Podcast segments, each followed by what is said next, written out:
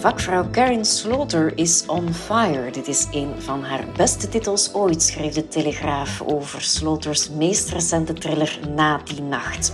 En ook de Vlaamse thrillerauteur Tony Koppers kreeg vier sterren voor zijn meest recente boeken Onschuld en Offer in de VN Thrillergids. Zij is de Queen of Crime uit Amerika, hij de King of Crime uit Antwerpen. Ze staan al wekenlang in de top 10 met hun thrillers en vorig jaar hadden wij de eer om hen samen rond de tafel te brengen voor een gesprek. Karen and Tony, welcome to our podcast. Hi, hi.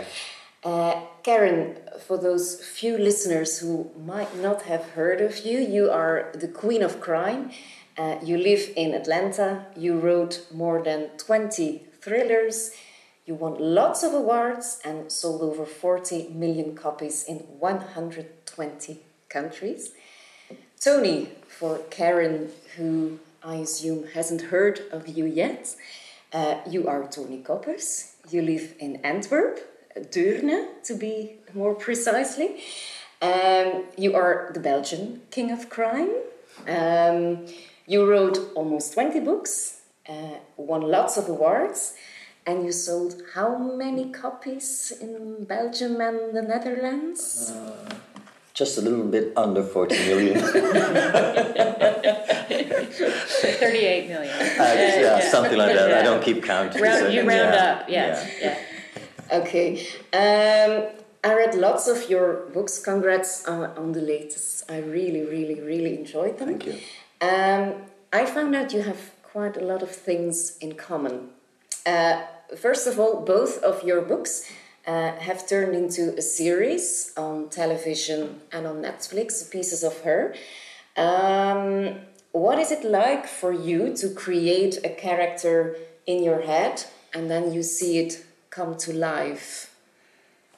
Uh, it was a strange experience. Uh, I think it'll it'll it'll go for you uh, also. It was. I think it's a very strange experience. Of course, what you create in your head, your imagination, uh, is always something different. Of course, I mean, there are people. You have actors. You've got directors who have their own view of how your um, main character, uh, your protagonist, um, uh, has to has to act or to move or to react.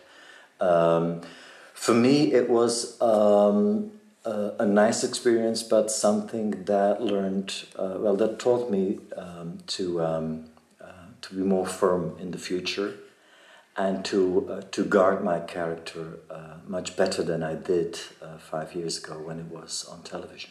I don't know what your experience is with Netflix, but.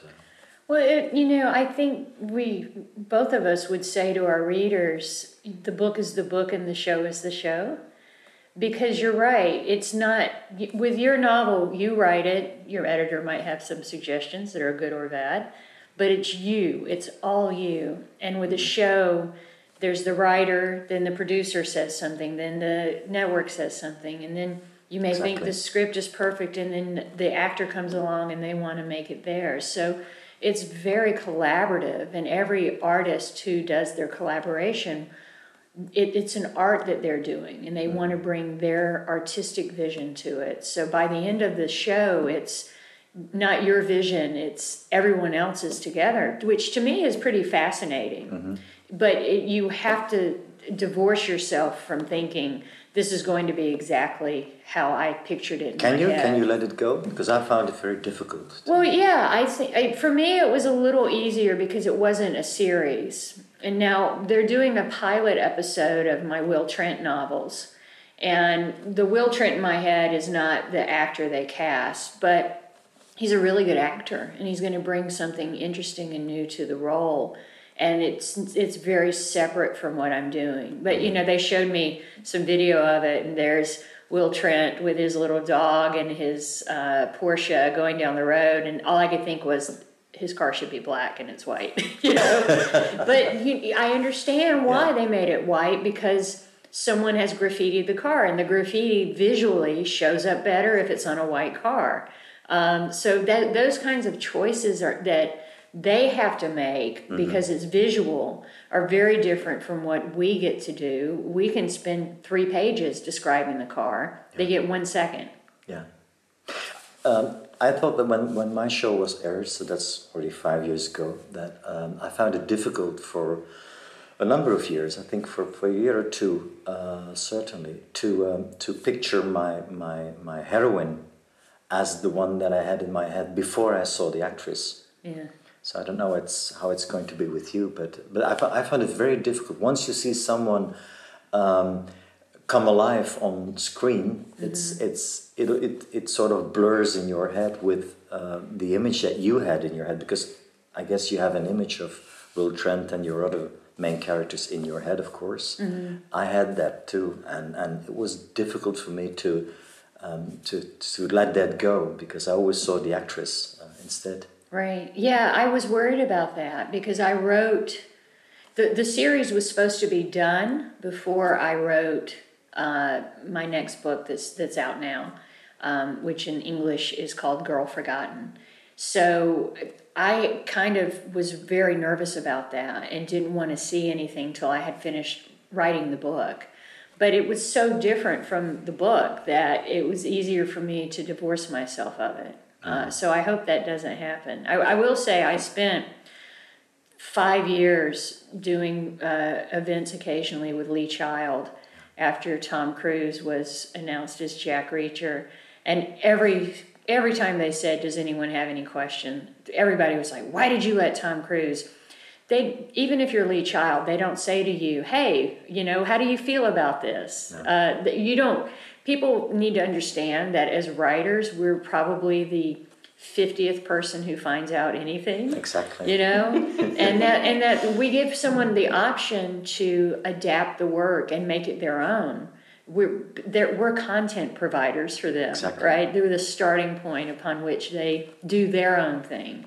So, in a lot of ways, it, it's good for me that it's so different because I haven't felt that bleed over because my will is still my will. Yeah.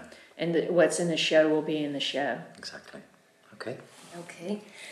Um, Toni, you once said, uh, what fascinates me is why people do what they do. Nobody is 100% good or bad. That thin line in between, that the moment where people choose to do the wrong thing Karin, I think you feel the same, right? Absolutely, yeah. Mm. It's just that there are, of course, let's say four or five percent. It differs from country to country. I mean, you, we know every serial killer in Belgium by name. So few of them are there. Uh, that you know of.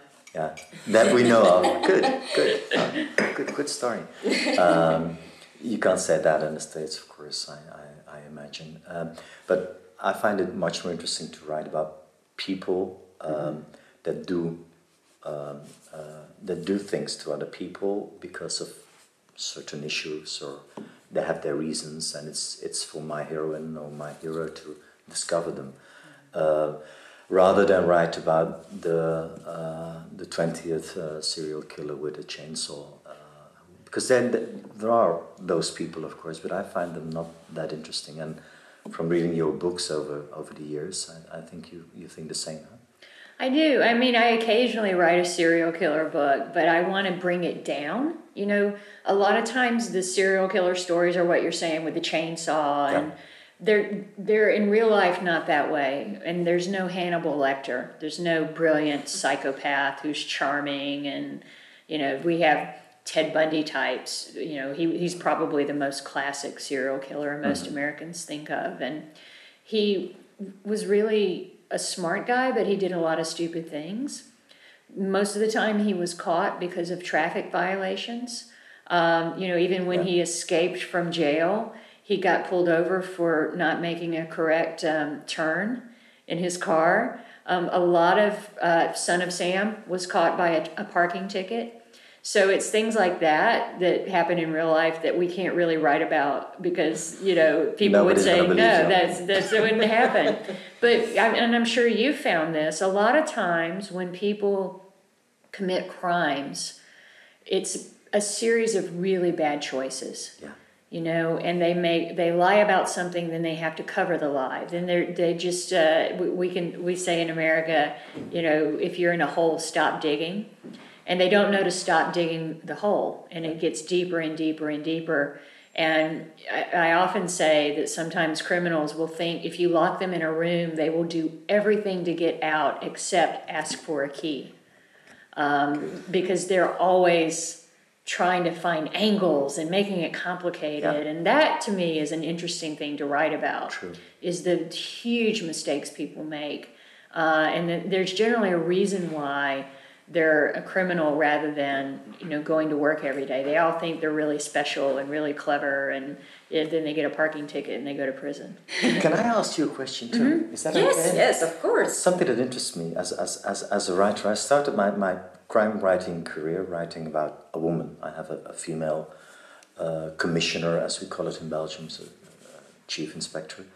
Um, and I always wrote about her, and I, I got to know her, and I got to know her family in my head, etc. And, and, I, and I think I know how she reacts and, and how she lives and what her values are, etc., etc. And then a number of years, only uh, four or five years ago, I started a second series with a man.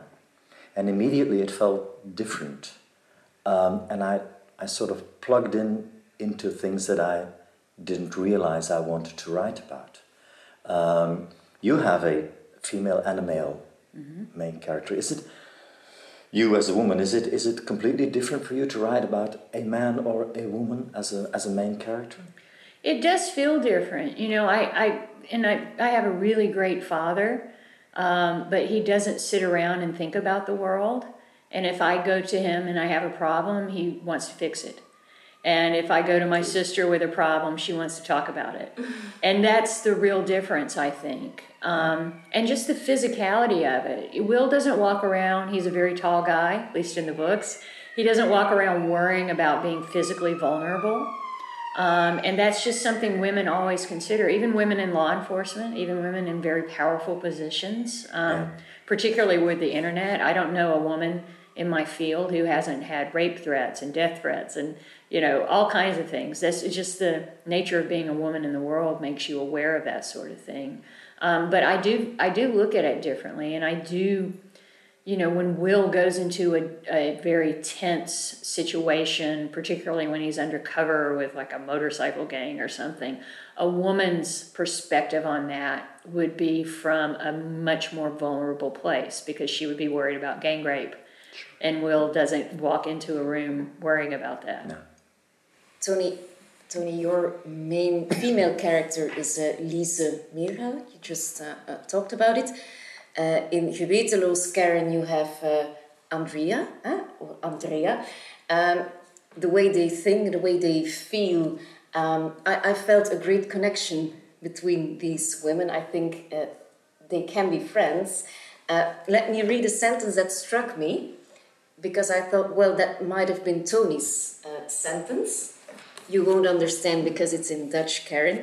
Um, het sfeertje botste behoorlijk met de helwitte politietent midden op het veld. Ze komen aan op een uh, crime scene. De plek was afgezet met geel lint dat tien rijen planten omvatte, met ongeveer een meter tussen de rijen. Een oude blauwe boerenpick-up met extra hoge wielen om de planten te ontzien, stond met de wielen aan weerszijden van een van de rijen. Dichtbij gekomen moest Andrea een huivering onderdrukken. Twee jaar geleden had ze geleerd dat de dood een stilte bezat die tot in je ziel reikte. Haar hartslag vertraagde, ze haalde dieper adem, het zweet op haar huid leek te verdampen.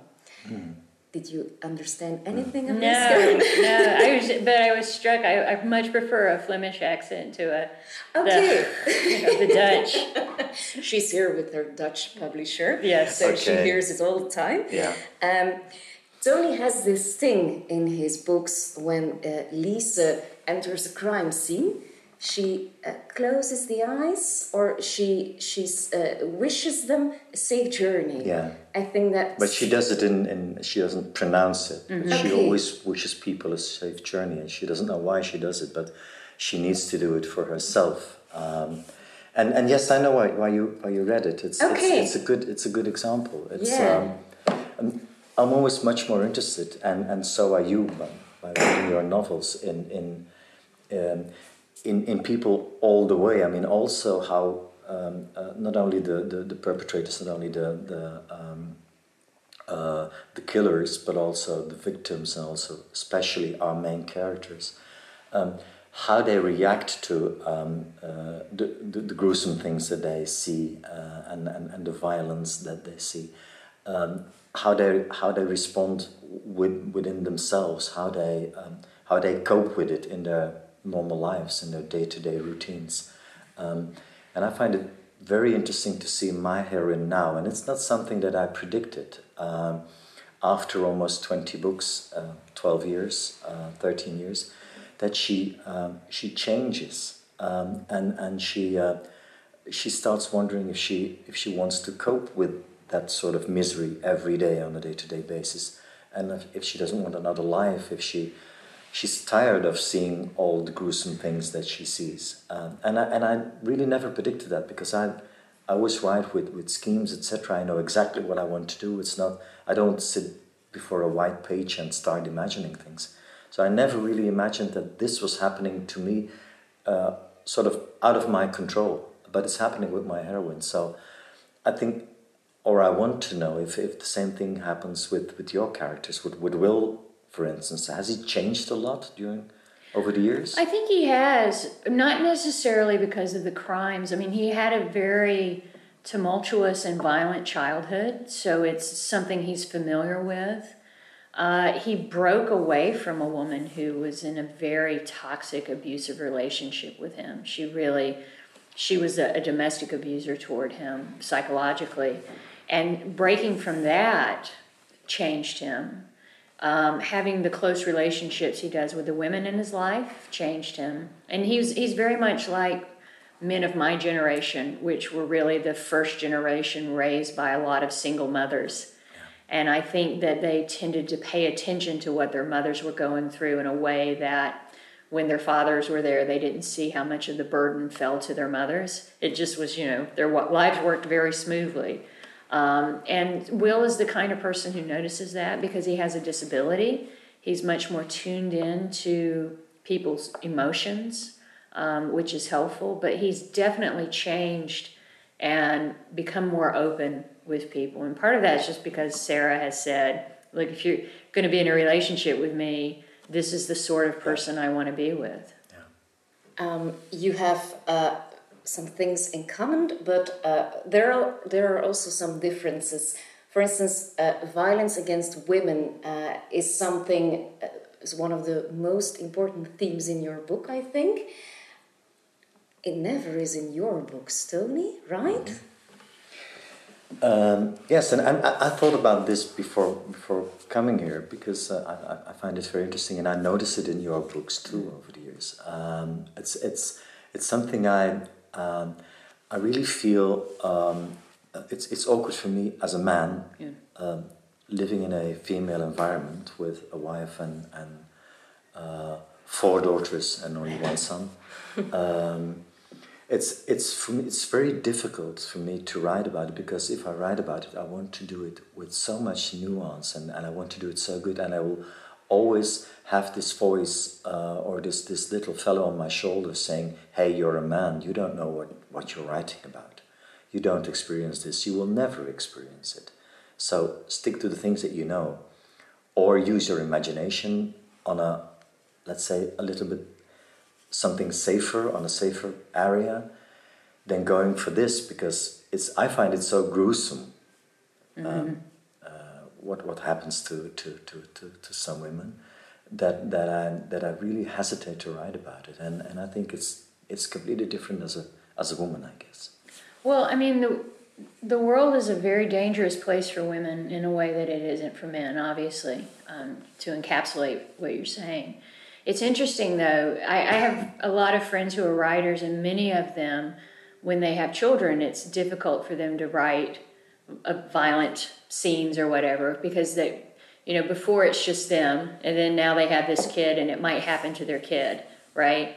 Um, I but I have one friend a, a dear friend who when she had a, a baby she said everyone says to me that it was difficult to write about child abuse after they had a child but I find myself wanting to write about it more uh, because I understand how crazy you can get when a baby won't let you sleep and you know it pushes you. But it, it's true. I think for a lot of men, particularly now, they're very careful about writing about violence against women because they know what their predecessors did wrong, which was glorify it or make it titillating or you know like a Game of Thrones rape scene where it's really sexy and Exactly. and that kind of thing. Uh, so I mean, I I think it, it's good to know what you're comfortable with. Uh, and and write what you're comfortable with, but I, there are men who do it very well. So I would say, uh, as pro- prolific as you've been and as well received as you've been, it might be something you could try. Um, because as long as you you approach it from a place of understanding, um, I, to me, the, the men I know who've written about that have been able to do it very well. What I mean is that I, I, I, I wrote and I write about the psychological damage that, that it does, but I can't write the scenes themselves, I think. Yeah, yeah. Uh, you know, particularly British writers, I think, have a problem with that, um, especially if it's sexual, because you know that you can hear their assholes, you know, squeeze shut whenever you mention sex in any way, even good sex. Uh, they always want to fade to black. Um, but uh, you know, maybe it's the fact that I'm an American and that I'm pretty outspoken. But I, I want to show it for what it is because there is a tendency to gloss it over, as I was referring to earlier. But the psychological part is the hard part to write. Anyone can write about a scene of violence. Um, it's what happens afterward that puts it in context and makes people understand how horrific it really is. What it does to people afterwards. Yeah, I mean that's lasting damage. I, I mean I, I've said this many times before. I think uh, if you are traumatized, you become a different person. So the person you were, you will never be that person again. You have to find out the new person you are, um, and how that's how you go on. Um, but you lose that ease and that comfort you had before the trauma. You wrote about trauma in one of your books. I don't remember the title anymore. Um, I write a lot about trauma. Was it called trauma? no, it was, it was one Trauma specific. I think it was your favorite. You called it your favorite book. It was with with uh, Eric Lesoir, um, the Ah, trauma yes. speci- Yeah, specialist. the Forgotten Girl. The yes. Forgotten Girl, yes. Um, I ask this because um, when you write about your sister in the previous novel who's uh, addicted to drugs, it's it's autobiographical.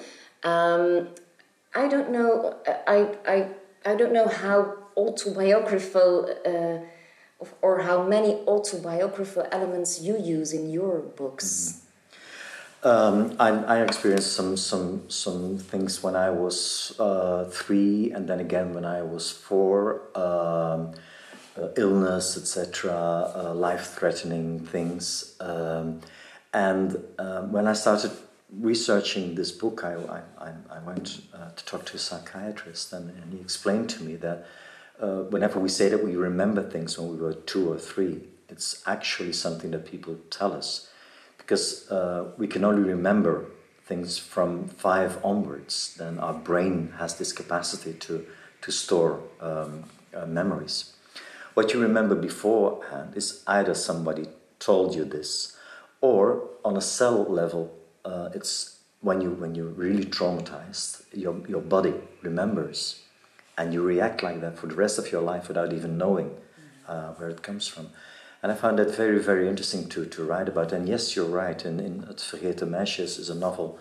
Um, is one, one of one of my dear novels, one of one of my best, I think, where where a child, uh, now a grown-up uh, woman, goes to a psychiatrist to discover why she was um, so um, so taken by a certain event in her adult life now, and and step by step she discovers things that what happened when she didn't even have a memory, but what happened when she, she remembered it on on a body level, and of course by remembering it and, and going into it, she uh, she awakens uh, people that uh, that she best let sleep. So Yeah. that's yeah, that's true. You know, it's interesting because I, I, uh, like you, read a lot about trauma, and we know adults who survive childhood trauma tend to be more likely to have heart disease um, or to have physical ailments, or they're more susceptible to uh, viruses, and you know they, they their immune system feels that trauma and hangs mm-hmm. on to it, even if it's not something that they recall. So it, you're exactly exactly right. It is at a cellular level. Their life expectancy, in many cases, is truncated because of yeah. the the physical memory of it, and they're more likely to abuse drugs. They're more likely to abuse alcohol, to be in bad relationships, to be in dangerous situations. Yeah, true. Okay, finally, one last question. Um, you both wrote uh, at about 20 uh, thrillers at a steady pace. Do you ever feel that you might want to do something completely else? But I mean, really completely else?